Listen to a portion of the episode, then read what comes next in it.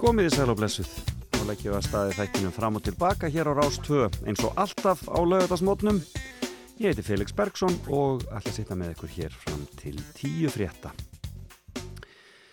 Já, það eru góði gestir á leiðinni til mín í spjall hér í dag eða einn á leiðinni og annar sem að vera í símanum. Ég ætla að ringja hérna Birgitta Haugdal hér á eftir. Það er stóri tónleikar hjá Írafári í kvöld í hörpu. Stórt augnablik hjá þeim og eru gaman að heyri Birgittu hér á eftir og svo ætlar hann að koma til minn hann Davíð Lúter Sigurðarsson sem er framkvæmtastjóri hjá uh, Sahara sem er auðviskastofa á framlistu fyrirtæki en hann á mjög áhugaverða sögu að segja, hann hefur komið víða við uh, á já, hann er nú ekki á þenn gamall maður en hefur komið víða við sannarlega. Uh, og ætlar að segja okkur af fimm vinnustöðum, við fáum aftur sömu fimmu og síðast og það verður áhugast að heyra hvað hann hefur að segja hér. Eh, hann Daví Lúter Sigurðarsson eh, ótrúlega kraftmikið og skemmtilegu karakter. Svo eh, var ég að hugsa um að segja ykkur aðeins af viðtali sem ég rakst á hér um daginn í Guardian blæðinu góða, breska við Duran Duran félagana. Og þar er þeirra að rifja upp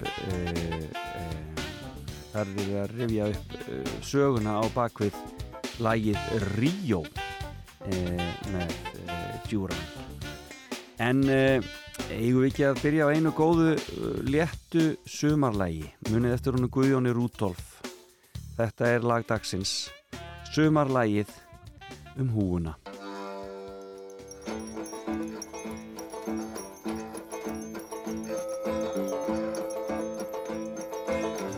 Kari kari kari who one me, kari who one me, kari who one me, kari kari kari kari who one me, kari who one me.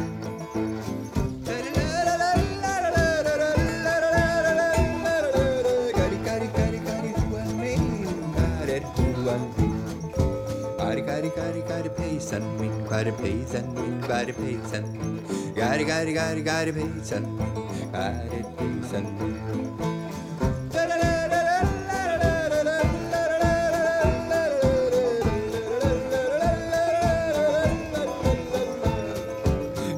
Gari gari gari ulpan min gari ulpan min gari ulpan min. Gari gari gari gari ulpan min gari ulpan min.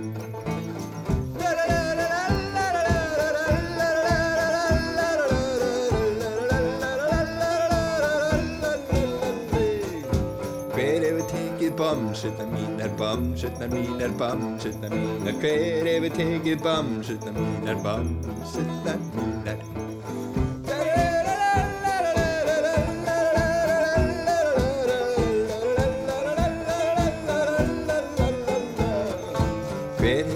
allan bjórin minn, allan bjórin minn, allan bjórin minn.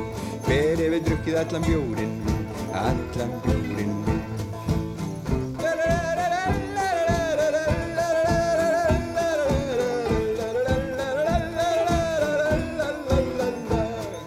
Ég átti einhver staðar viskiflösku, viskiflösku, viskiflösku Ég átti einhver staðar viskiflösku, hvað er hún?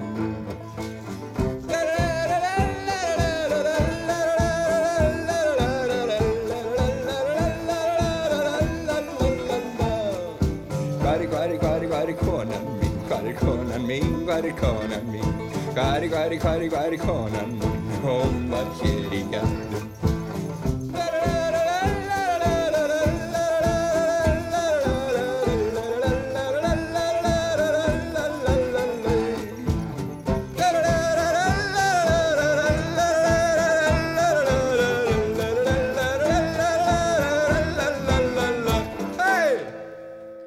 Já, það var Guðjón Rúdolf og lægið um húuna Kari Kari húan mín.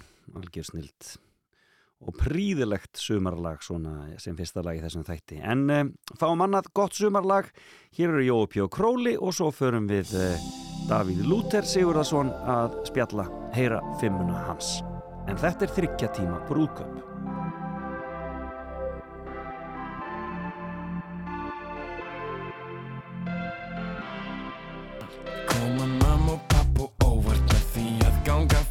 húsinu Láta kjána lega, gera góðverk, hafa gaman og klára heima vinnuna Muna líka drekka vat Skiptast á rósallum Brosa og kýtla mann Grilla pulsur Gista með vinnum Mega fá að vera með á trampolínum Renna á sleða Og líka á dínu Þannig sköpum við gleði í heiminum Þryggja tíma brúðkup og svo sund.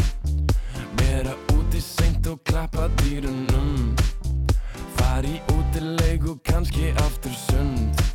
Bara eiga góðar stundir, bara góðar stundir. Þryggja tíma brúðkup og svo sund. Vera úti seint og klappa dýrunum. Fari út í leik og kannski aftur sund. Bara eiga góðar stundir, bara góðar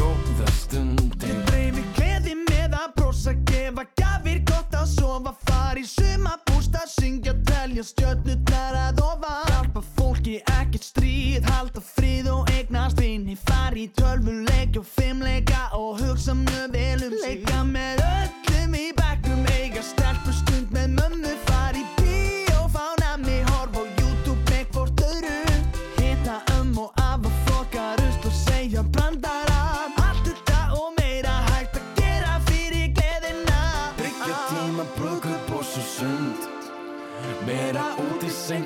klappa dýrunum Fari út í leik og kannski aftur sund. Bara eiga góðar stundir, bara góðar stundir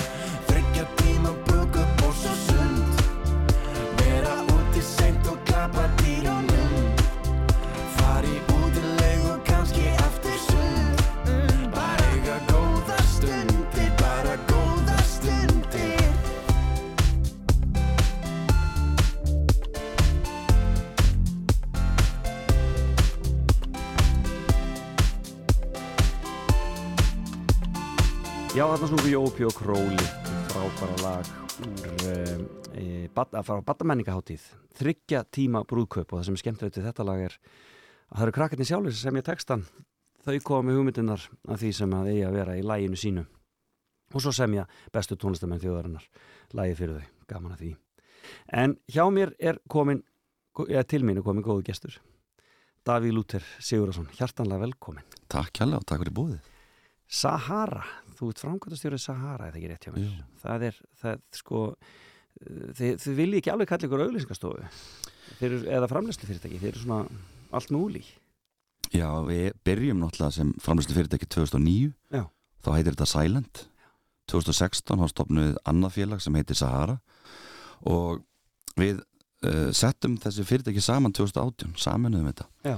og úr varði eða auglýsingastofa. Við erum svona stafran auglýsingastofa en erum mjög óhefbundin við erum að, að svona okkar fókus er mest á þessa nýju miðla sem hafa verið að koma síðustu 10-15 ári Já, þeir eru í samfélagsmiðlanum mikið. Langmest sko. En við erum alltaf með marga viðskiptvinni sem að vantar alla þjónustu og þá erum við með deildir sem að er að, að sinna því Er það aldrei þannig að þú ert búin að, já, nú er ég búin að ná þessu, komið Instagramið alveg á reynd og þá kemur TikTok, Já. skilur fyllist maður ekki bara, þú veist, Jú, ég þekki þetta er ekki bara, ó, það er ég nú að fara að læra þetta, Akkurat helvíti. Jú, jú Já. þetta er svolítið svona ég valdi þennan bransa uh, viljandi að því að mér fannst hann mjög heitlandi fyrir um, nokkurum árum Já. að því að hann alltaf breytast Já. Og ég elska að vera tannum og ég elska að prófa okkar nýtt. Þannig að það hendaði mér mjög vel. Já. og ég tek alveg undir það sko. Maður ma, hérna setur höndin á ennið sko hvað, að hverju? Akkur er nýlmiðill, er þetta ekki fínt? Þetta ekki komið bara, já. en svo hugsa maður, þetta er náttúrulega bara frábært fyrir mínu viðskiptavinni og, og fólk sem vil hérna, koma vörunum sín á framfari og, og að því að unga fólki náttúrulega fer af miðlum þegar fullanda fólki kemur Já, þegar mamma, pappi og amma afi koma Já. þannig að þetta mun bara halda áfram svona sko Magna, magna, þetta er, já, já. En hvað, en svona fimman þín, hún er Já.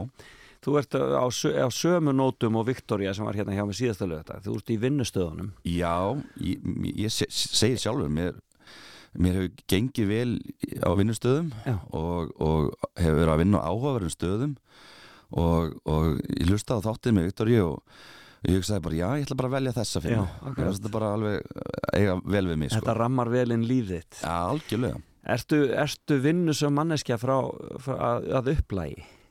Já, ég byrjaði að vinna mjög ungur og maður þurfti að redda sér og maður fekk svona survivor feelingin þegar maður var ungur svona því að þú veist ég ætla ekki að segja að og pappi hafa verið neitt með rosalega fátek en það var ekkert miklu peningar því við vorum mörg sískinin, fimm sískinni og, og það þetta að kaupa æfingjöld fyrir alla og taka skó og allt þetta en að maður þurfti svolítið að redda sér sko.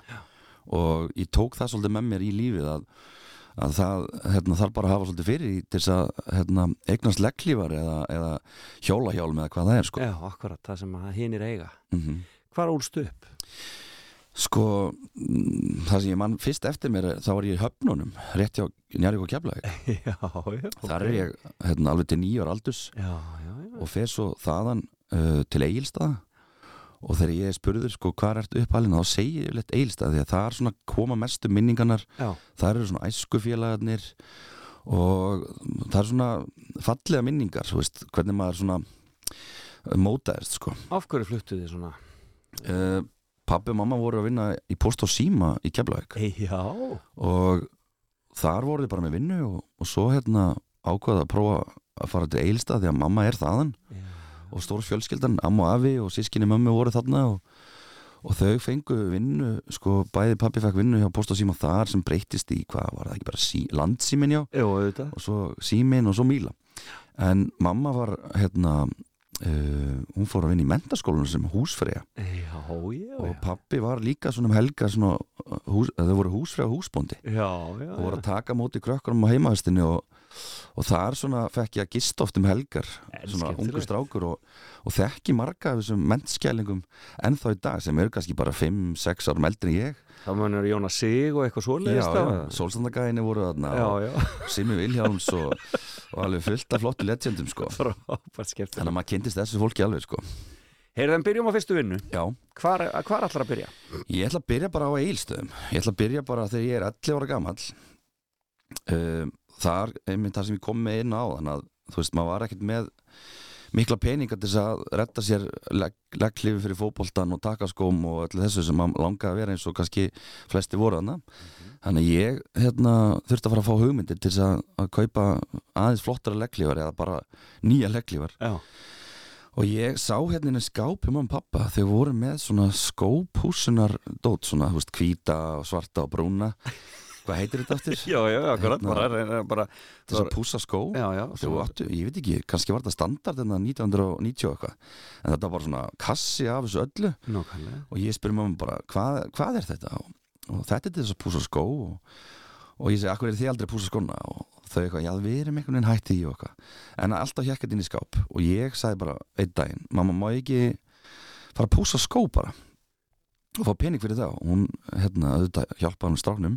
Já. Og henni datt í hug að setja auglýsingu dagskrána sem er, þú veist, staðablað á Auðvitað. sem fer inn í alla púsluður og því ég held að það hefði kostað þá og ég- reyndir eftir að borga mömmu tilbaka 990 Auglýsinguna, krónur. Já, auglýsinguna, já. hún gaf mér það. Og þá stóð bara hérna, ég púsa skó fyrir 100 krónur stykkið eða parið og símanúmer heima sem var Já. bara fimm stafið þá. Já, og hérna ég fekk nú nokkuð símtöl en ekki nógu mörg fannst mér. Þannig að ég ákvað bara að fara inn á Selás og Lagarás uh, uh, inn á Eilstöðum og banka upp hjá fólki og kynnti mig og, og þar var það nú ekki jafn stort hérna, bæjarfélag er í dag búið að stækka um öruglega helming eða meira en þá svona þekkt allir til mín og þú veist, já, ert ekki sonur Hrafnildar eða Sigurða Lúthers og eitthvað svona Já. Jú, og uh, hvað ert þú að bralla? Ég, ég er að vinna og ég er að bjóða fólki að púsa skóna og þetta var alveg magna það, voru allir til og það sem þau gerðu, þau tóku bara öll sk- skópurinn sín og hendiði út á, á stjætt og það sat ég kannski í 40 mínútur klukku tíma og pússaði bara alltaf Já, já, gerði það bara þokkalega vel sko. Já. og hérna það kvartaði allan engin og, og ég fekk svo bara kannski, þú veist uh, 700-800 krónur í grænum uh, 100 krónur seðlum sko. Og þetta var gríðuleg peningu fyrir 11 ára strák og, og eftir eitthvað smá tíma þegar ég var búin að gera þetta nokkuð sinnum og þá gæti maður að fara að kaupa sér þessar legglífar og, og hérna betri takaskó og svona. En þetta endist nú ekkert mjög lengi að ég var mikið í fótboltanum hann þannig að maður var alltaf á æfingu með daginn og keppum helgar og öllu þessu fjörðum og, og fara á Íslandsmóti í bæinn og allt þetta. Þannig að ég man ekki hvort þetta hafa verið tvær vikur eða eitthvað. Já sem var varst í skópúsunni já, en virkilega gaman sko, veist. Þetta, Þetta var svona, heitir að bjarga sér. Þetta heitir að bjarga sér og, og hérna, þetta var svona fyrsta svona survivor móti mitt bara, Já. ég ætlaði mér að vera með góða legglífar. Já, eða góða takaskó sko. Já Já. En varstu, varstu góður í fótboltanum? Ég var það sko, ég hérna byrjaði frá, frá því ég flutti til Eilstaðan nýjara gammal, þá byrjaði að æfa. Og hafði aldrei sperkað í fótbolta því ég bjó náttúrulega í höfnunum og, og ég gæti ekkert verið að keira milli ha- hafninar og, og kepla eitthvað æfingar sko. Nei, en ég var með svona íþrótta uh, gen í mér ykkur, bra- báði bræði minni voru að efa körubolt með Njarvík og, og pappi var náttúrulega mikill íþróttamæður þótt hann hafi ekkert farið nýtt, nýtt atvinnuferil. En bróði pappa er náttúrulega gamall handbóltamæður og atvinnumæður Björgun Björgunsson Já, hérna, já, já hann náttúrulega var Var legend hérna í gamla dag í sko. handbóltanum Já, þannig ég held ég hafi verið með svona Já, algjör góðsögn Þannig ég held ég hafi verið með svona smá írita dót í mér. Já. Ég byrjaði með hetti á eilstum og ég hérna held ég annað árið mitt var ég markaðistur á KHB mótinu, KHB því kaufélag Jærarsbúi Já, og það ár var ég líka uh, sem sagt besti leikmaður hattar í mínu flokki. Og hérna, eða efnilegasti manni, já, allir ekki verið efnilegasti þarna. Já. og, fekk svona velun hér og þar á svona mótum og stóð mér bara virkilega vel. En svo hérna mm, einmitt 11 ára þá springur botlogin já. Og þar er ég bara í ég held ég sé tvo mánuði bara á landsbytunum og þar, ég fekk held ég hérna, hvað heitir þetta? Þetta er svona sýking sem Já. kemur eftir á. Um, mannaði ekki alveg núna en ég var bara mjög veikur og, og láð þarna inn í tvo mánu og reynda að var hleyft út kannski aðeins og fljótt af því að það bara leiði yfir mig þarna þegar ég var komin í smá, hérna, tvo-þrjá daga eftir spítalan þannig að ég var laðar afturinn en eftir þetta, þá bara misti ég svolítið mikið þólið og, og svona tötsið, en held áfram í smá tíma og, og endaði minn fótbollaferil í öðru flokki fram þegar ég flutti svo í bæin hérna í nýjunda bekk Já, sko. þú hefur þó svona verið með Já, já, en, en náðu mér aldrei á strik sko. Ég bara, ég hljópa alveg eins og brjála einhver hérna 9, 10, 11 ára sko. Já. Og uh, En þólið svona fer svolítið já, það bara fór alveg og, og, hérna, og var erfitt að ná því tilbaka en það var kannski bara 10, 11 ára maður var ekkert með sjúkraþjálfun eða- Nei, nei, nákvæmlega. þannig að koma aftur í stand, sko. Akkurat, það er bara út, út með því Já, góði. já. akkurat sko, en þarna fann ég strax bara að þetta var svolítið svona bú, bara búið þótt að að maður var ekkert uh, stefnunætt kannski að fara í Chelsea eða eitthvað sko, En en, það hefur verið gaman. Magnað. Heyrðu, næsta jobb, Já, næsta vinna. Já, ég er kannski spóla nokkur ár. Já, þá fer ég hérna þegar ég er uh, svona tvítugur þá er ég bara búsettur í Reykjavík. Já. Og Fórst í mentaskóla til ykkur eða? Nei, ég fór bara aldrei í mentaskóla það var bara svoleiðis. Já, ég var svona smá vandrálingur og svona móti öllu það því að mér gekk ekkert rosalega vel í skóla Mhm. þess að þarna síðustu þrjá fjóra bekkina.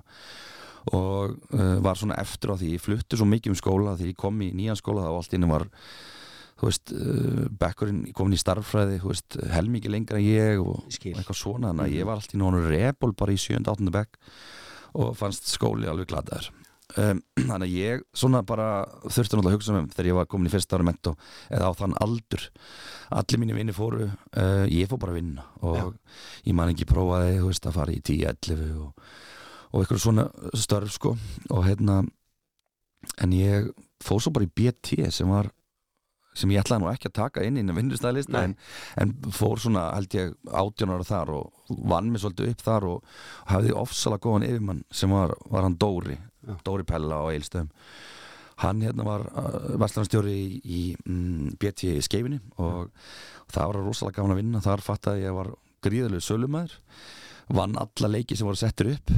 En vinnustæðar sem ég ætlaði að ræða var, var sko þegar ég var búin að vinna í smá tíma í BT og, og hérna, þá fór ég á djammi hérna með félaga mínum nýri bæ og, og endaði hérna á Nelliskaffi Já, sem er í þingolstræti og eða hotnun lögum var á þingolstræti Er það danska kráin núna eða eitthvað svo leysið þig ekki? mm, ég held að þetta sé æsver í dag þetta er hérna bara beint á móti B5 í dag sko. Einmitt, já, já, ok nema hvað, við fórum hann inn og það voru svo fáurinn inni og mér fannst þetta svo glata þannig að þetta voru staður á þrem hæðum Já.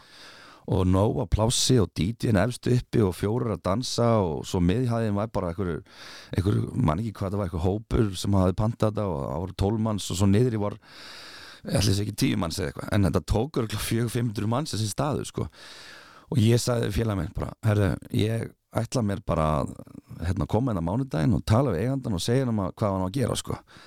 og ég mætti á mánudaginnum eftir vinnun í BT baði með eigandan og, og hann var bara bakvið og, og hann spyr hvað ég vill og ég segi bara herðu uh, þetta er ótrúlega potential staður þó þetta var rífið í gang sko og ég, þetta bara, ég var bara mjög ungur sko, ég man ekki hvað, ég held ég að vera 19 ára Já. ég held ég hef ekki máttur eitthvað staða en eitt sko Nei, akkurat og hann eitthvað herði mjög forðunilegt hvað vilt þú gera? Og ég fór að segja nú hugmyndir hvað ég myndi gera til þess að fylla þenn staðinn.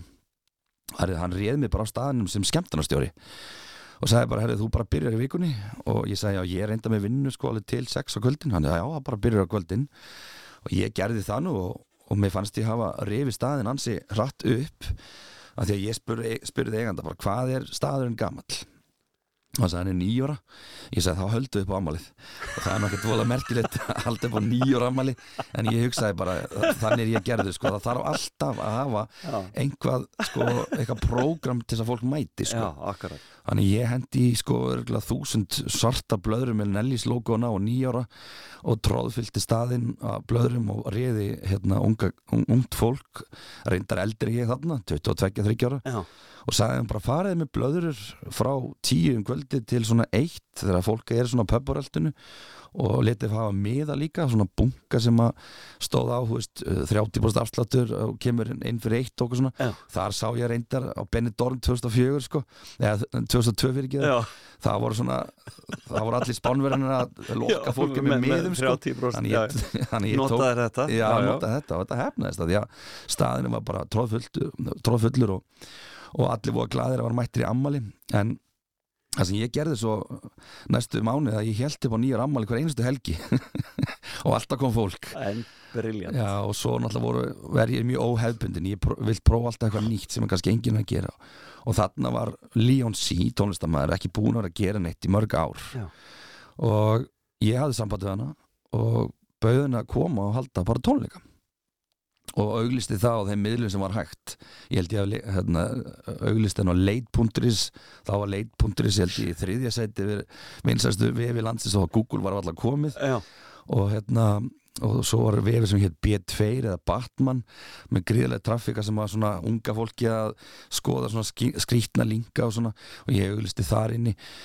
Og ég held ég að ætla að rukka 500 krónur og, og fær frían bjór með. Já, og staðurinn var tróðfullur og hún var glöð og baði um fleiri gig og hún fekk þau og allir bara mætti á Leon C og, og mér finnst þetta bara alveg geggja sko. Já, hún mætti bara held í tíu og held tónleika millir tíu og hálf, hálf tólf og Já.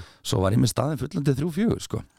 Þannig að ég mátti svolítið gera það sem ég langaði svona ungur. Ánælís á Nellis að því að Jón Snorra sem að réð mig þarna var eigandi var bara ótrúlegur svona hvað maður að segja yfirmaður sem að lifði svolítið mér að láta ljósmynd skína sko. Treysti mig bara að því að ég gæti alveg rífi kjáft og sagði bara, þú veist, þú ætti að gera þetta og þetta. Og hún fannst greinlega eitthvað áhugavert einhver ungu gæi sem gefur eilstum alltaf bara stjórna hérna stærsta skemmtista landsins sko, sem var kannski ekki vinsalesti en hann var stærsti skemmtistæðurinn og hann ég gerði ímislega skrítið sko. Já En skemmtilegt. Og hvað varstu lengi í þessu? ég hérna, ég hafi ekki verið tvö og hálft ár í þessa fullu Já, og ætlaði náttúrulega að halda lengur áfram en uh, við vorum stödd á eilstöðum við Linda og þar var ég með Lindu mína sem ég giftur í dag já, ólétta og voru að kynna henni fyrir ömmu og afa á eilstöðum og svona eitthvað og voru bara svona í helgaferð nema hún var komin á 29. viku með strákin okkar sem er 17 ára í dag Herðu, hann vill bara komast út út í svoleiðis á já. 29. viku og við hérna uh, förum á spítalana í Ilstöðum og þau finnst ekkert skrítið en að bara hún er ólétt og þetta er eitthvað svona oft gerist fyrir ólétta konur og svona en við átt, uh, áttum já, eigum mikið ömmu heiðu hérna svona eh, þakki fyrir það því að hún var, var mikið að vinna á, á spítalanum í, í ára tugi Já. og henni leist ekkert á þetta og sagði við læknir bara, ég vil bara fá hana söður sko, bara með flugvel og og að náða frekjast með það og, og sendi bara lindu með flugvel ég mátti reyndar ekki komið flugvelinni Ok, og svo lítil. Já. þannig ég tók næstu um, hérna, almenningsflugvel og þá kemur bara ljós að barni er að bara koma í heiminn og, og, og þá er bara hann heilmal út til okkar uh, komin á 2009 viku og er bara þrjá mánuð upp á spítala í sjúkrakassa já og er á vökudeildinni og, og hérna- er, hvað, það er, það, þau, þau lifa alveg já, á 2009 viku en eru, þetta er ekki? þetta er mikil fyrirburi. Og jú, ég veit um börn sem hafa komið á 2004 viku og svona. Og sem spjara sig vel og, og sem ekki og, en Hilmar minn er indislegur í dag. Hann fekk CP sem er cerebral palsy. Þannig að hann er búin að fara í ansi margar svona aðgerðir hérna á löpunum og svona og reymingan er ekkit alveg frábærar. En ótrúlegur karakter hefur hérna plumma sig gríðarlega vel og, og þannig að þannig ég ringdi í Jón Snorra minn yfirmann Nelliskaffi þannig að dag sem hann kemur heiminn ég segi Jón, ég ætla að fara að finna með 94 Já. ég er að fara hérna í verkefni með minni konu og, og, og, hérna húnum litla mínum.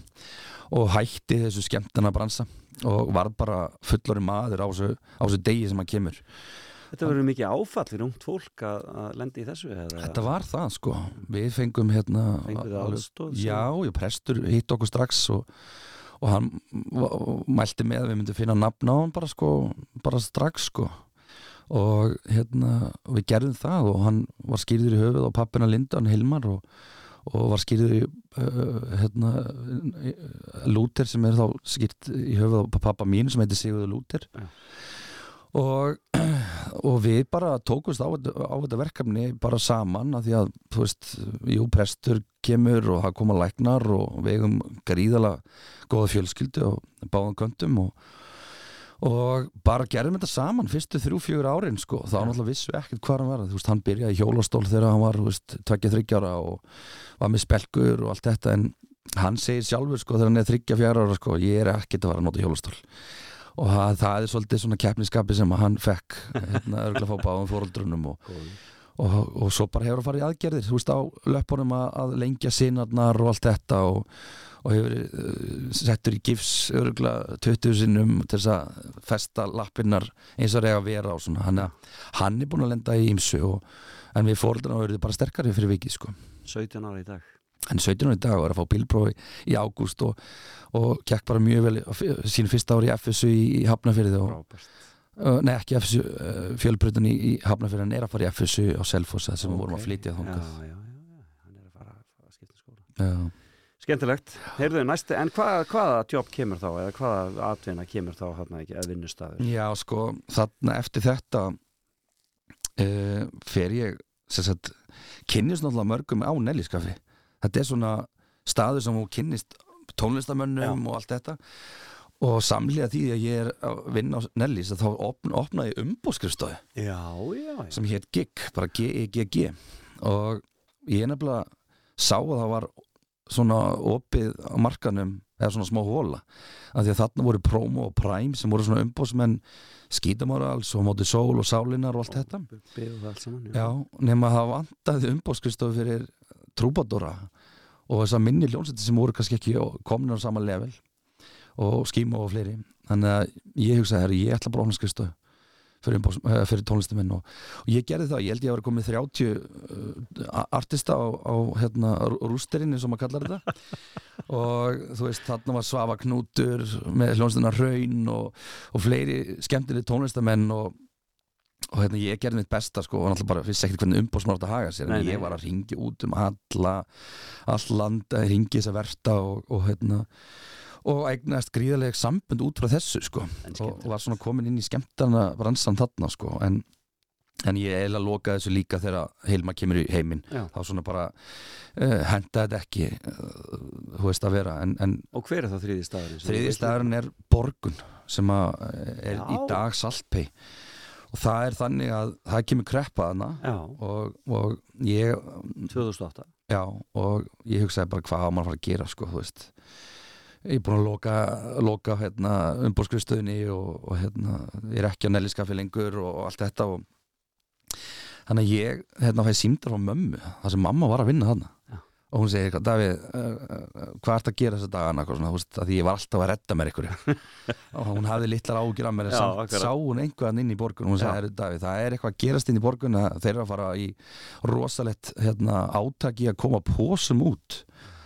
Og að því þarna var sagt, uh, Borgun, Valitor og, og fleiri sagt, eða Mastikart búin að opna það. Að þú þurftir ekki að vera með tvo pósa, þú veist að því þú borgaði með Visa og svo Mastikart Já, núna, núna var komin tækni að einn þetta kann tekið við öllu. Akkurat, var þannig var, þá var bara sett brjáli samkefni í gang og þá þurfti bara að búa til einhverja posadild og mamma leitt mig vita því og ég sótt um og fekk viðtal og fekk vinnuna Já.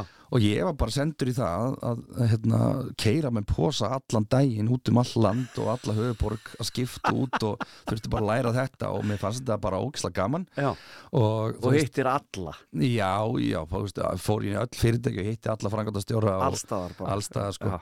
Og hérna, og gekk bara vel og svo vann ég mig upp í starfi þar og var komin sem, sem yfirmaður pósadeildar og sem var undir fyrirtækasvið og vann mikið með þeim og, og, og vann líka sem markasteildinni og þannig að þar kom svona svona í puttana mína svona markasmál allt í innu og, og ég var aðeins að kynnast svona markasmálum fyrsta skipti þarna 2000 og hvenær ertu þarna? 2008 þá? Já, hvað? 2008, 9, 10, 11, 12 en um, eitt skipti þegar ég var hann inn í borgun þá þurfti að vera eitthvað að- gera eitthvað var- markast tengt og þá hérna fer ég að ringja í uh, framnuslu fyrirtæki í Íslandi sem voru eiginlega bara tvö þá eða svona helstu fyrirtæki sem voru að taka upp vídeo og klippa og svona. Já. og mér vantaði eitthvað svona vídeo fyr- fyrir borgun og manni hvort það var við talveg fórstjóran eða eitthvað þannig. Og ég ringdi og þetta var rándýrt. Ég bara trúði sér ekki að þetta þurfti að kosta eitthvað, þú veist, 7-800 skall þarna og, og þeir sögðslega komið smingu og hljóðmann og allt með sér og ég hugsaði bara þetta er bara allt og dýr pakki, ég get aldrei fengið leiði fyrir þessu. Þannig að ég ringdi hérna kunningja sem að kunni að klippa og taka upp og, og ég bara notaði hann og held að það hafi kostað 80 skall sko. Já, gerður þetta bara sjálfur. Gerðum þetta bara sjálfur og þá fór ég að sjá annað gata markanum bara núna YouTube komið YouTube var hann fjara ára, Facebook er nýkomið og allir að fara inn á ég fylgdist aðeins meira með í bandaríkjana hvað Red Bull og Mountain Dew er að gera svona skemmtileg myndbund og ég hugsaði ég ætla bara að opna famslu fyrirtæki ég ætla bara að eiga hana markað og, og að það er enginn að gera svona lítil vídeo, þú veist, að því að þessi stóru framslu fyrirtæki voru með þessar stóru, slunga kamerur já. og rosa mörg uh, marga starfsmenn í krúi. Og ég hugsaði bara að það þarf ekki nema bara einn eða tvo til þess að mæta og, og, og gera eitthvað skemmtilegt sko. og það sprakk svolítið í höndunum. Ég held áfram í borgun og ég var bara um kvöld, öll kvöld um helgar að fara út um alla bæ að taka upp ásáttíðir og klippa þetta um helgar Maður í og, 9-5 starfinu. Já, já, og, og hérna bara frábært, þú veist, ég bara elska að vinna og, og ef maður getur hérna borgað á húsnæðislánunni hraðar og maður bara hugsaði þetta sko. Frábært. en þetta er ekkert mentaður og maður þurfti bara að búa sér til eitthvað. En þetta er sem fjórðastarfið þetta er já, sem er þá sem er þá að detta inn í silent. Við skulum fara í það eftir smástund Við skulum taka úr smá pásu. Þú baðst um uh, lag úr Eurovision og þetta er hollenska lagið. Það heitir Didi Epte og svo höldum við áfram Já. að tala ég og Daví Lúter Sigurðarsson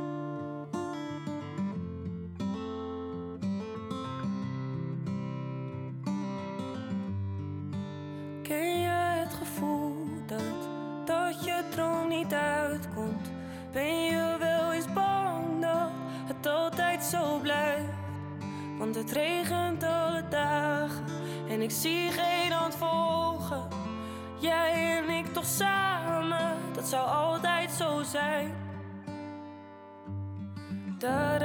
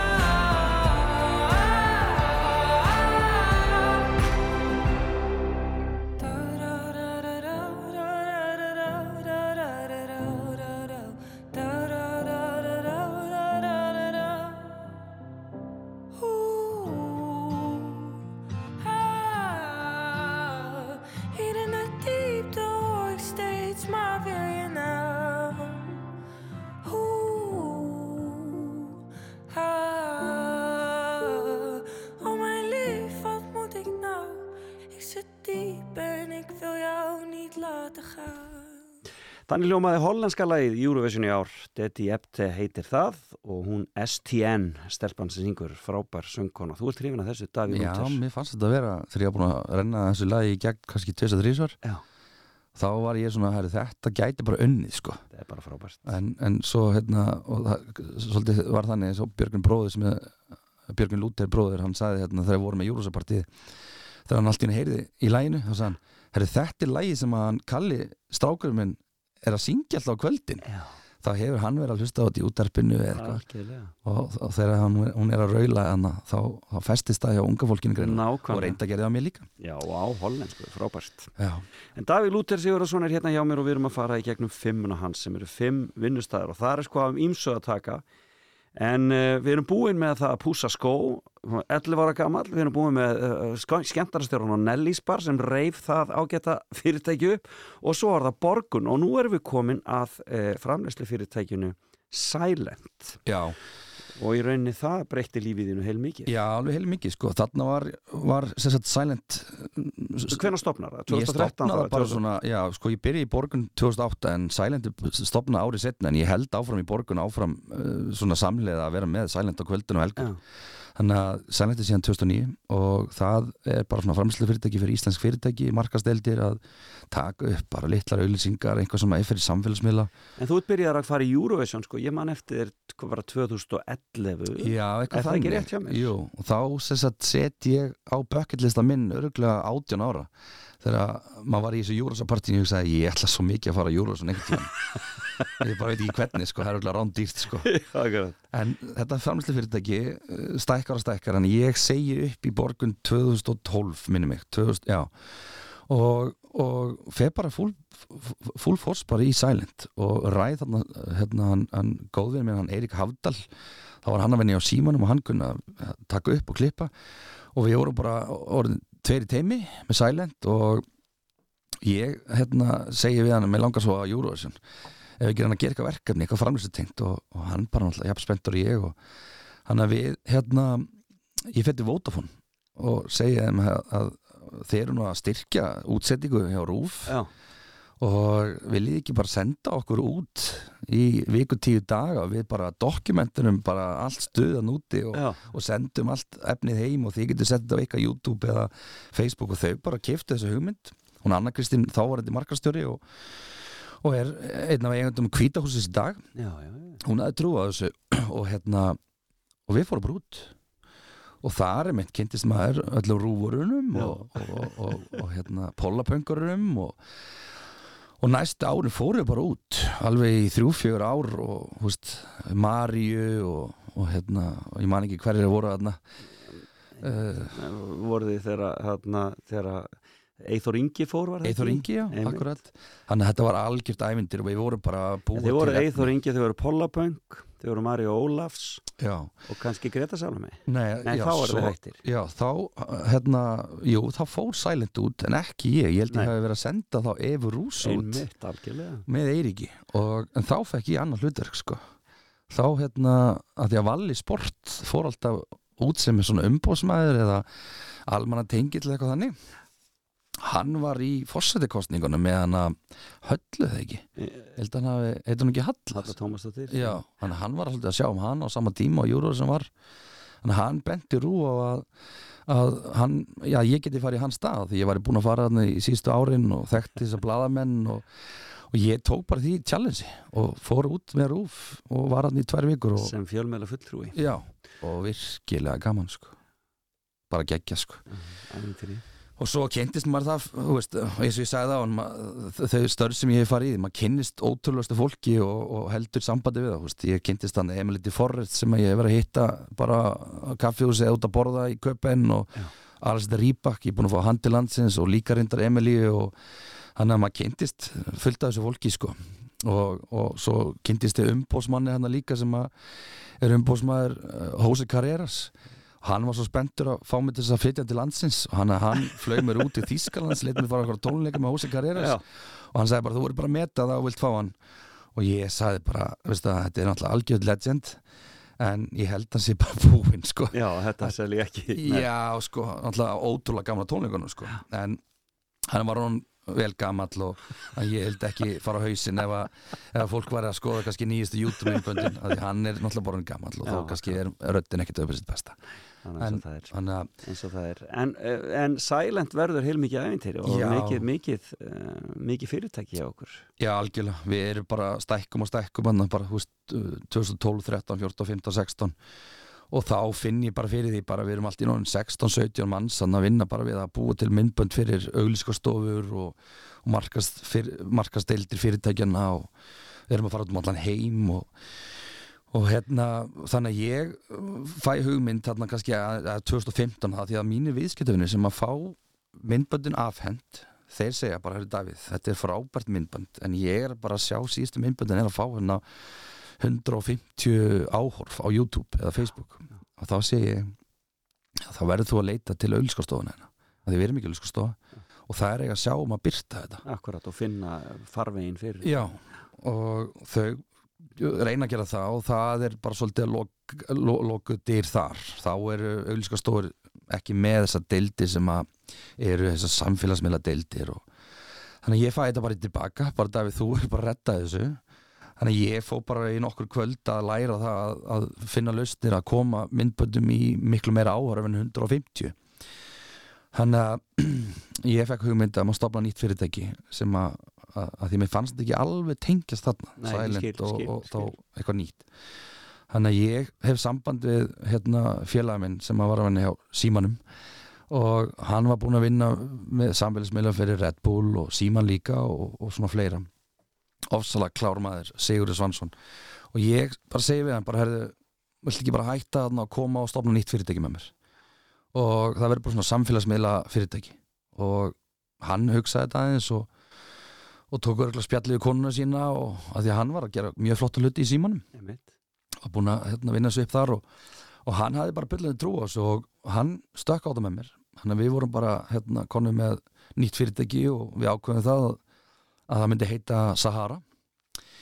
Það hljómaði bara vel. Já, akkurat, ansi, ansi gott Já, bara, Já. veist, Sahara á Íslandi og, og eitthvað svona sko og hérna, vinur í eðimörkinni Já, um, þannig að það sprakk bara strax að því að ég var alltaf með gríðarlega marga viðskiptufinni uh, sem að fengu góð þjónustu í Silent og ég gæti alltaf senda á til Sigga sem að tók við þeim þegar myndböndi voru tilbúin og hann alltaf bara drillaði þessu inn á Facebook og Instagram og YouTube og allt þetta.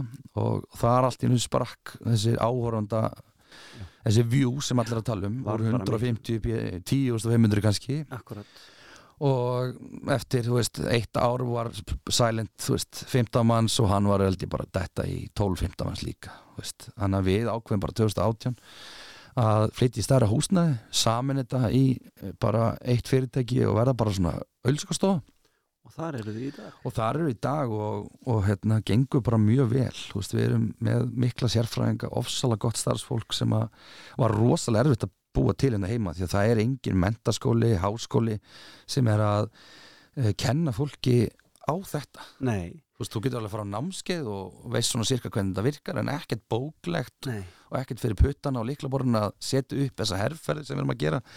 Þannig að við höfum verið að finna bara flott fólk og gera það bara að sérfræðingum Sko það er svolítið skemmtilegt að þegar ég hlusta á því sko, þú í rauninni eins og þú segir, þú ferð ekki í mentaskóla og eh, finnst ekki gaman að læra en þú í rauninni bara lærir á löppunum einhvern veginn á meðan þú ert að gera þetta allt saman Já, ég meina, þú veist, sem betur verið er YouTube til, sko. Já, Ég fór að nota YouTube bara þegar að opna held ég og, og ef það var einhver sem kun, kunni ekki, sko. þá kannstu bara að ná þér í það Já, þá gerði ég það og ég er mjög fljótur að, læra, sko, þótt að ég hafi ekki farið í, í mentaskóla eða háskóla, þá er ég alveg klár þótt ég segi sjálfur frá, sko. Og hérna, um, þannig að þetta, þetta er bara svolítið þannig að við erum ennþá svona eins og við, við erum bara sprótufyrirtæki. Það var engin stofa gera þetta þegar- það sem við gerðum það var bara rétt að tepla dánum eða, eða prófa sig áfram en við fórum bara í fullblón samfélagsmiðla þjónustu fyrir fyrirtæki. Þetta var sannlegt og í dag erum við, þú veist, yfir 40 starfsmenn og erum með skrifstof í Orlando erum með sjö starfsmenn þar og erum með mörg að stærstu fyrirtækjum landsins bara hérna, að hjálpa þeim að koma vörunum sínum út hvort sem er Íslandi eða út í heimi sko. Þannig að þetta er stækka mikið. En þú ert, hvað sagði mér hérna sko tíminn er alveg að hlaupa frá okkur en ég, ég verða aðeins að snerta á þessu síðasta með, með hérna að þú sett komin á Selfoss. Þannig að því hjónin eru flutt þangað með, og hvað eigið orðið að börnum? Já, ég á Hilma minn sem ég talaði um aðan Já, hann er 17 og svo á ég hennar Ragnandi Byrtu sem er eh, núna nýjár í sumar. Ok.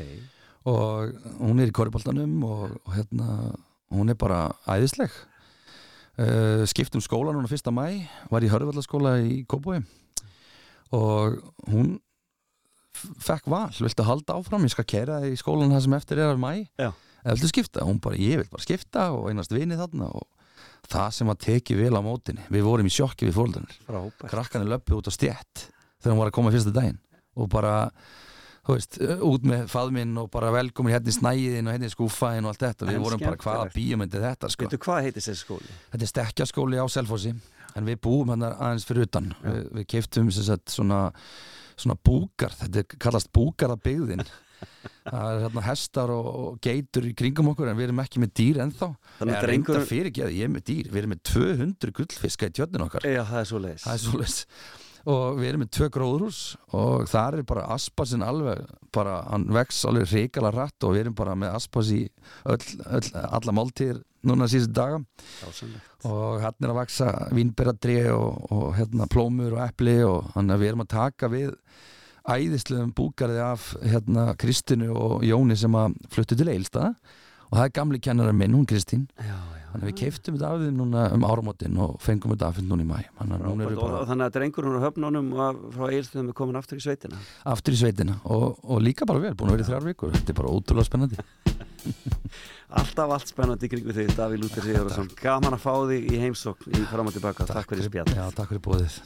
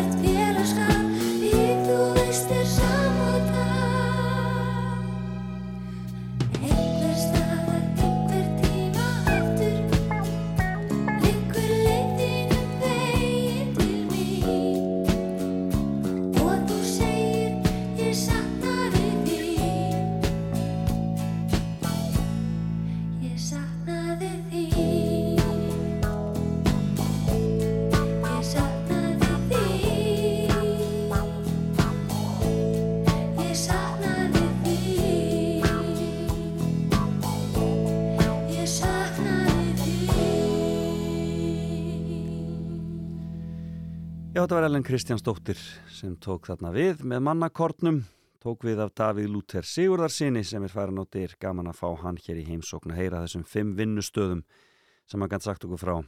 Allt frá eigilstöðum og eh, já, endaði á þessari stóru auglýsingarstofu sem hann á í dag sem heitir Sahara og það er aldrei að vita hver dag við út til lendi næst. En það er komið að nýju fréttum hér hjá okkur á Rástvö. Ég ætla að taka mig smá pásu og svo kem ég aftur hér eftir nýju og þá ætlum við að heyri Birgitu Haugdal og kannski aðeins af Djúran Djúran. Hérna er Ed Sheeran og eh, eh, e, já, hvað heitir hún sem syngur þetta með honum? Þetta heitir Bam Bam heitir þetta lag og það er Camila Cabello sem syngur þetta með honum. Svo það sé alveg á hreinu. Heyrumst aftur eftir nýju fréttum. I said I love you for life, but I just sold our house. We were kids at the start, I guess we're grown ups now. Mm. Couldn't ever imagine even having doubts, but not everything works out. No, now I'm out dancing with strangers. You could be casually dating, damn, it's all changing so fast. I see it.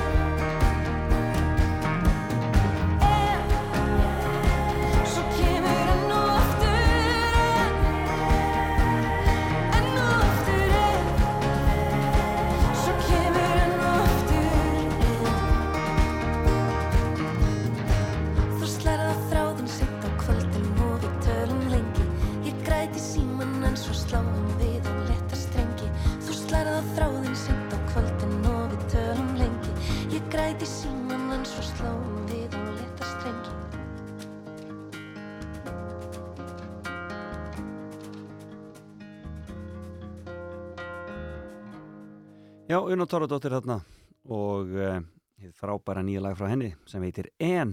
Komið sæl, þér að hlusta á fram og tilbaka. Hér á Rástu og ég heiti Felix Bergsson búin að sýta með ykkur hér síðan klukkan 8 í morgun. Og í morgun var góður gestur minn Davíð Lúter Sigurðarsson e, e, já, aðtapnamaður, hefur ekki bara segið það? Og hann saði mér af e, fimm störfum sem að hafa já, verið að, að e, svona, hann hefur komið að í gegnum tíðina og við byrjuðum í þar í, í e, skóphúsun þegar hann var 11 ára á, Selfoss, nei, á, á Egilstöðum síðan tók hann við Nellís bar sem skemmtarnastjóri Kornungur 19 ára og reif þar allt í gang fór svo að vinna hjá Borgun í því að koma pósum út stopnaði síðan framleyslu fyrirtæki Silent fór að framleiða myndbönd og annað slíkt e, svona e, á ódýrari máta og e, endaði með því að stopna síðan e, já, Sahara sem að sér hefði sí í lausnum í samf á samfélagsmiðlunum fyrir fyrirtæki, hann er mikill sölumadur hann Daví Lúter og hefur farið þetta allt saman án þess að hafa klárað lang, nokkra langskólamentun uh, vel gert hjá honum. Gaman að heyri honum hér í morgun. En uh, við ætlum að heyri Birgitta Haugdal hér á eftir og uh, e, svo ætlum ég aðeins að koma við hjá vinum mínum í Djúran Djúran en höldum áfram með tónlist sem að er vinsæl þessa dagana. Ég spilaði Jóa Pjó Króla hér í morgun en Friðrik Dór, hann klikkar aldrei og við skulum heyra e, nýjasta lagið hans sem heitir Einn dans við mig. Heilin minn á fullri ferð hugsa stanslust um þig. Höndla ekki áhrifin sem þú hefur á mig öllu þessu fólki. En þegar ég sá þig var allt annað horfið. Sérsta hversu mikið ég vil þig, ég byrð þig bara eitt dans við mig. Eitt dans við mig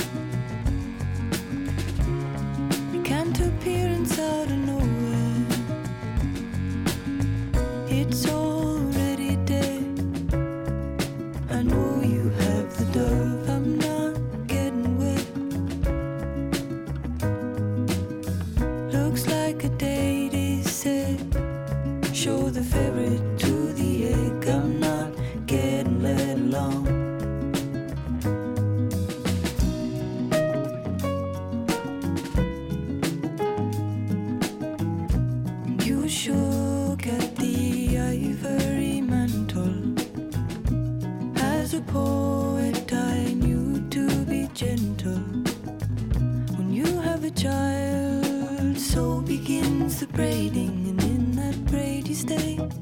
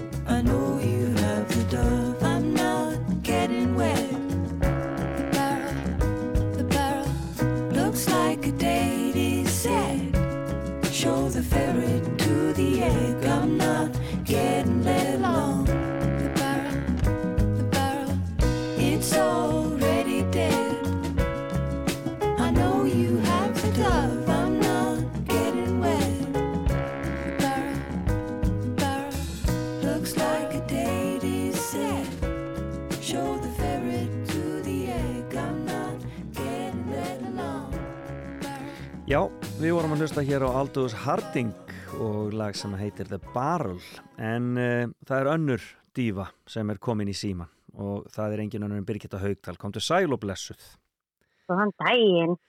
eh, Hlustar eitthvað Aldous Harding? Eitthvað tján? Herðu, nei, sko, ekki mikið. Bara svona rétt kunnug. Já, svona þegar hún kemur í útarpinu bara Já, eiginlega bara svoleiðis. hún er algjörlega briljant en, eh, en hver, hver eru svona þínar fyrst ég er að komin að þessa línu hver eru svona þínar fyrirmyndir í músikinni þegar þú ert þegar svona í gegnum tíðina Veistu það, þetta er ótrúlega góð spurning og ég hef oft spurt sjálfa mig af þessu. Já, Þegar ég veginn hef aldrei átt sko eitthvað risa ædol eða einhverja plötu sem ég hlustaði mest á eða, eða eitthvað svona, sko. Veist, þannig að ég bara litið af alls konar. þú varst ekki svona madonu stelpa þegar þú ert að byrja þarna á sínum tíma Já, nei. Nei. Ég var sko, uh, fyrsta platan sem ég, fyrsta platan sem að ég eignast, eða Já. fyrsti, fyrsti geisladiskurinn þar að segja, það var hérna ópera með tómabil Já, einmitt. Og hérna Akkúrat. bróður minn gaf mér hana í óleiki og svo næsta plata sem ég eignast, hún var hérna ný dönsk, hérna horfðu til himinsplatan, Já, einmitt. Þú veist, þannig að og fyrir það er ég bara að hlusta á plötunar hans pappa, þú veist, þannig að hérna, og það er bara allt millir himins og jarðar, sko. Þannig að það er svona íslenska poppi kannski sem svona, þína, þín, svona þinn grunnur þegar þú síðan sjálf stígur að staða inn í bransan Já, fyrstu plötunar allavega, sko. En hérna, svo átti ég að þessu bróður sem að, hérna, var mikill rockari. Já. Þannig að hann ól svolítið, hérna, rockið upp í mér með sínum plötum sem voru svona Metallica og, hérna, Já, Iron Maiden og Guns N' Roses og eitthvað svoleið, sko. Akkurat þannig að já, og, þú veist, og svo að pappi hann var að hlusta á Whitney og Siggu sína og alls konar sko.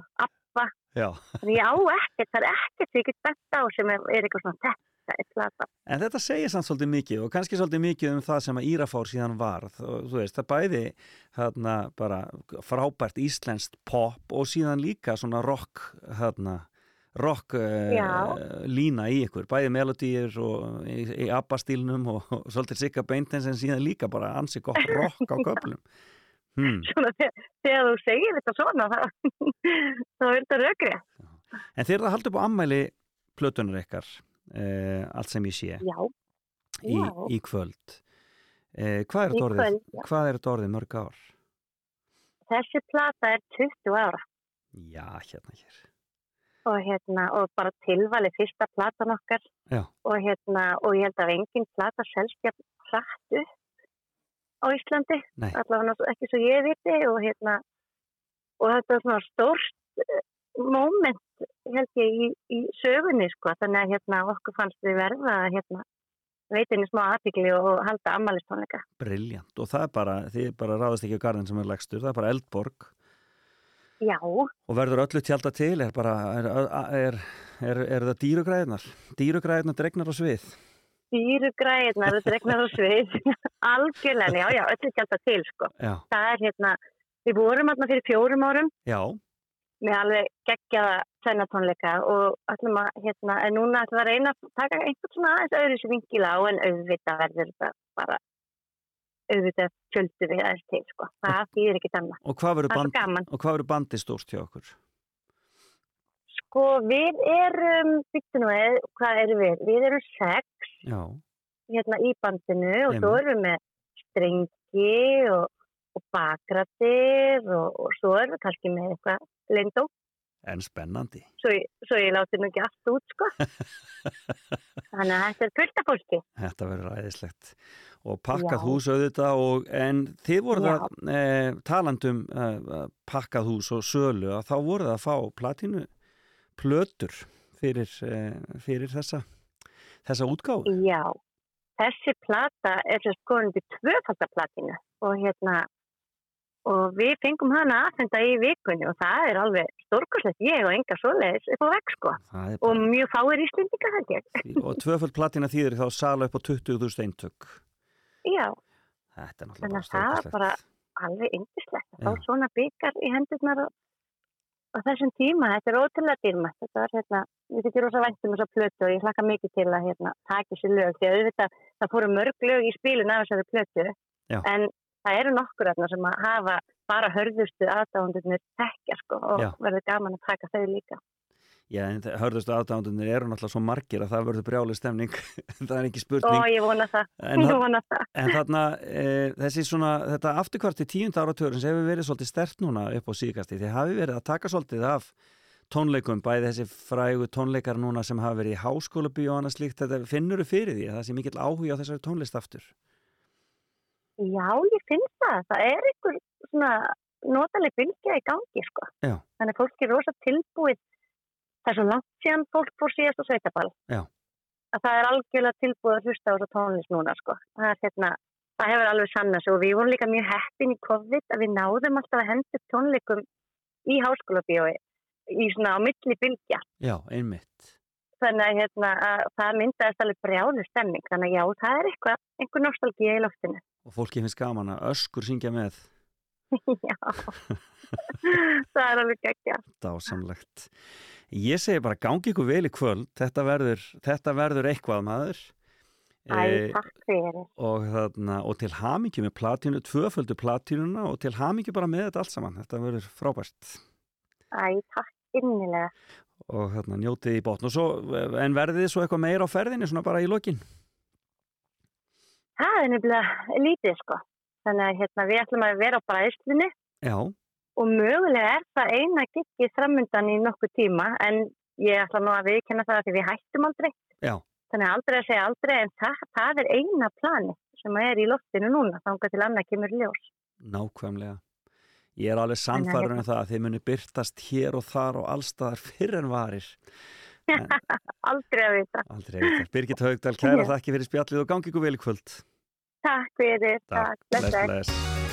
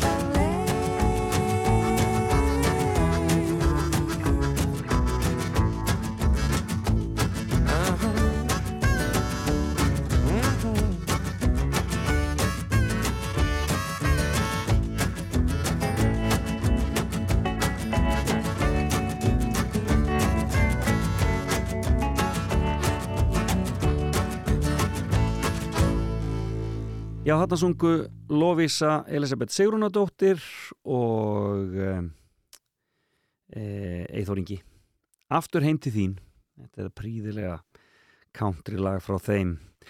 E, og þau ætla eitthvað að halda áfram að vinna saman sem er bara gríðarlega spennandi og verður gaman að heyra hvað kemur frá þeim næst.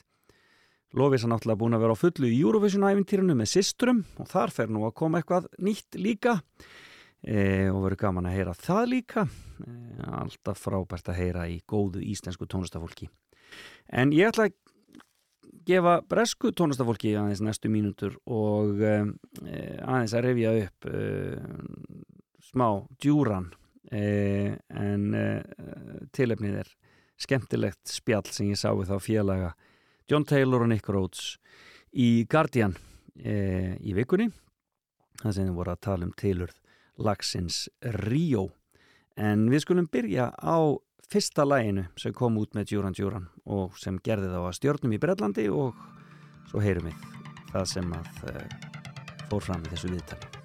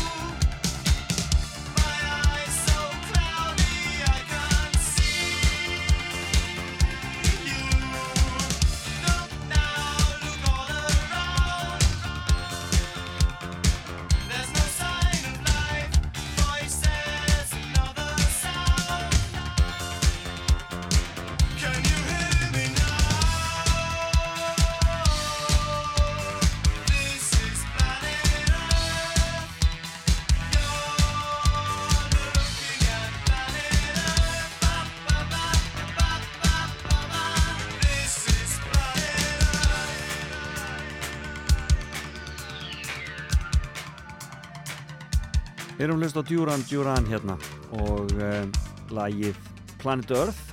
Þetta er auðvitað fyrsta lagið sem að koma út með þessari frábæru hljómsveit sem að e, hóf starfsemi árið 1978 þegar að e, félagarnir í Birmingham Nick Rhodes og John Taylor ákváðu að stopna hljómsveit. Fengu til liðsvið sig trommuleikaran Roger Taylor síðan eru þau svona allskins mannabreitingar og vesen á þessu öllu saman. Andy Taylor kom hann inn, gítarleikari og að lokum söngvarinn Simon Le Bon og úr var þessi þessi eh, kvintett sem að eh, átti síðan eftir að ná því líkri heimsfræð og var í rauninni svona já, eitt af helstu böndunum á nýjunda áratögnum Planet Earth kemur semst úr út árið 1981 á eh, fyrstu eh, eh, sem að eh, eh, Duran Duran gaf út eh, og eh,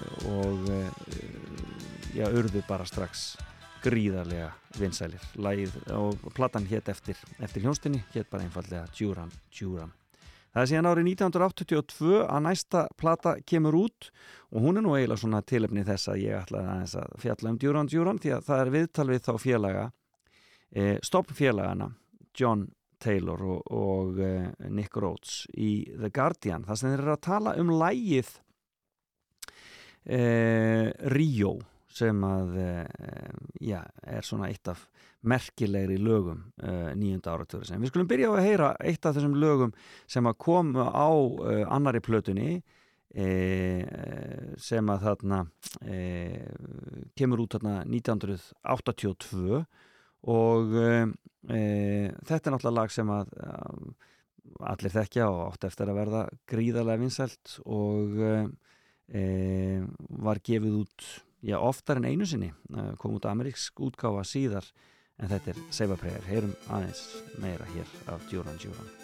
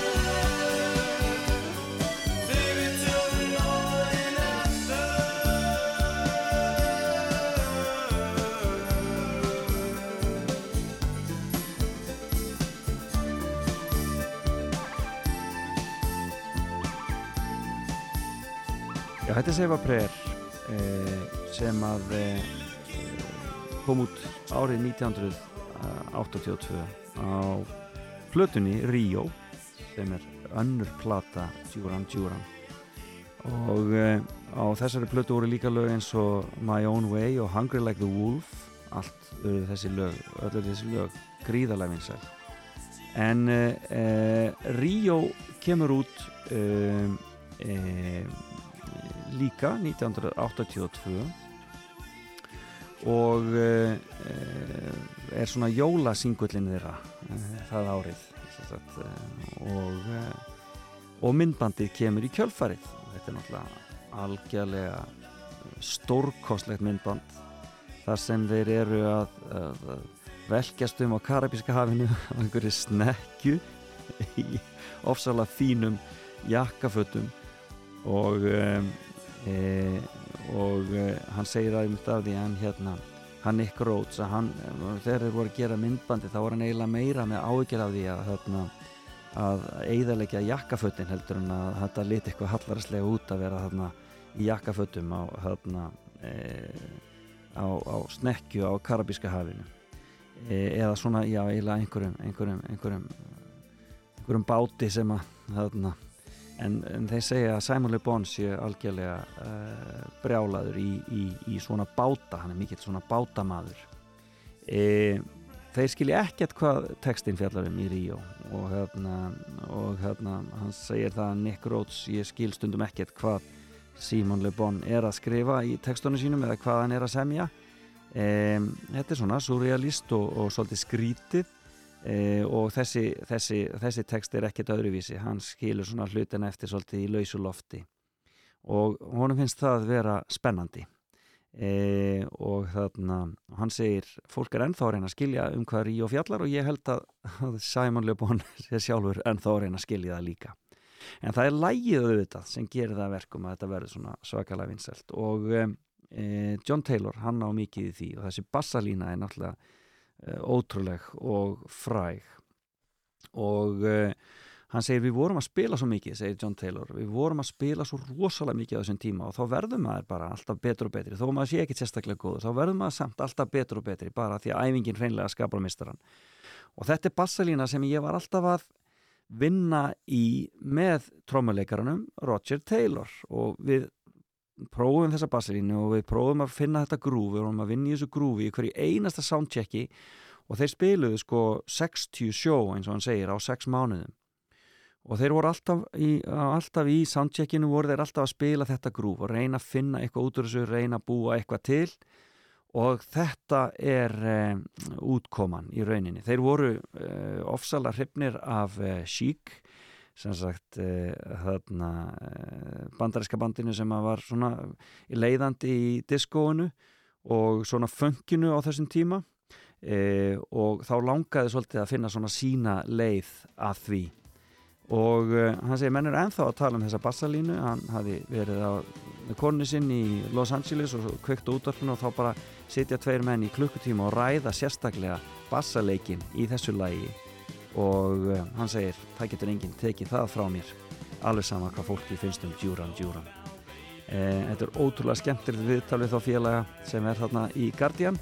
Og tilefnið er það að, að þeir ætla að vera að spila út um allt í Breitlandi í sumar, Djúran Djúran. Og ég vissum að margir vilja e, skella sér á tónleika með því frábæra bandi. En við skulum rifja upp Ríó svona í lokina þessu. e, hennu frábæra lægi og titillægi annar breyðskífum Djúran Djúran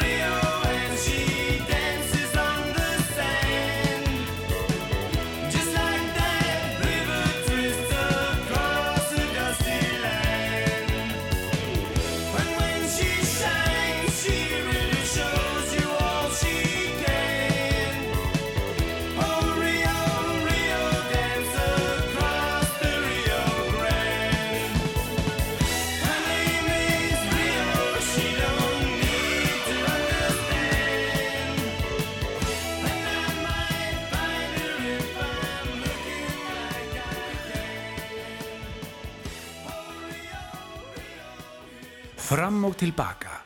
Ljúfur laugadagsmorgun á Rástvö.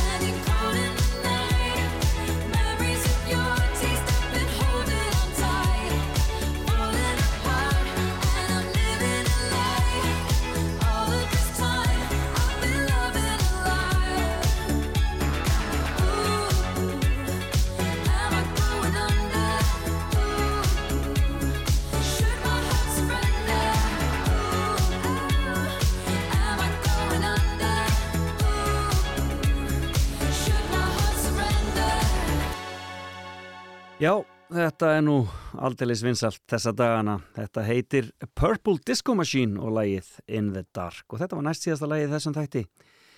Þakka ykkur kærlega fyrir samfylgdin í dag búið að vera dásamlegt að vera með ykkur og gestum mínum sem kom hér í morgun. Davíð Lúter Sigurðarsson, frangatastjóri Sahara, auglýsingastofunar og framlýslu fyrirtækisins. Hann var með skemmtilega fimmu hjá mér. Sagði af, eh, af eh, fimm svona vinnustöðum eða vinnum sem hann hefur unnið í gegnum tíðina. Þetta er orðið, orðið uh, þema sem að gengur áfram. E, og síðan hér eftir nýju þá heyrði ég Birgitu Haugdal en stóru tónleikarnir þeirra í Írafári er í kvöld í hörpu. En við skulum enda þetta í dag á uh, þessum sem varði í öðru sæti í Eurovision. Uh, hann heitir Sam uh, Ryder og er algjörlega aðalgaurin þessa dagana í Breitlandi er að verða gríðarlega vinsæll og lagið hans sem var í Eurovision, Spaceman. Takk fyrir í dag, heyrjumst eftir þetta viku. Bless, bless. If I was an astronaut, I'd be floating in midair. And a broken heart would just belong to someone else down there. I would be the center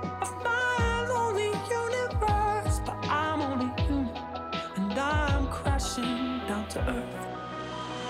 I'm up in space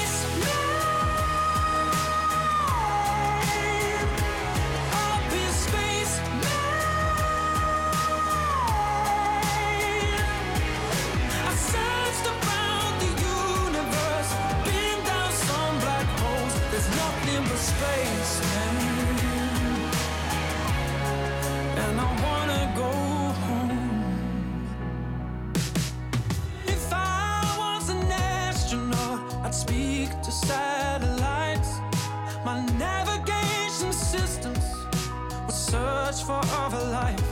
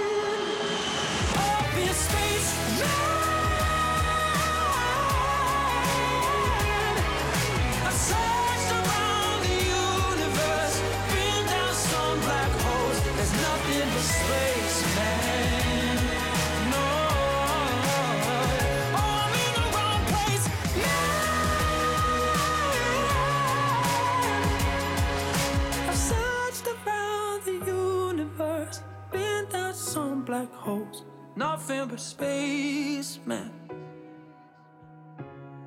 And I wanna go.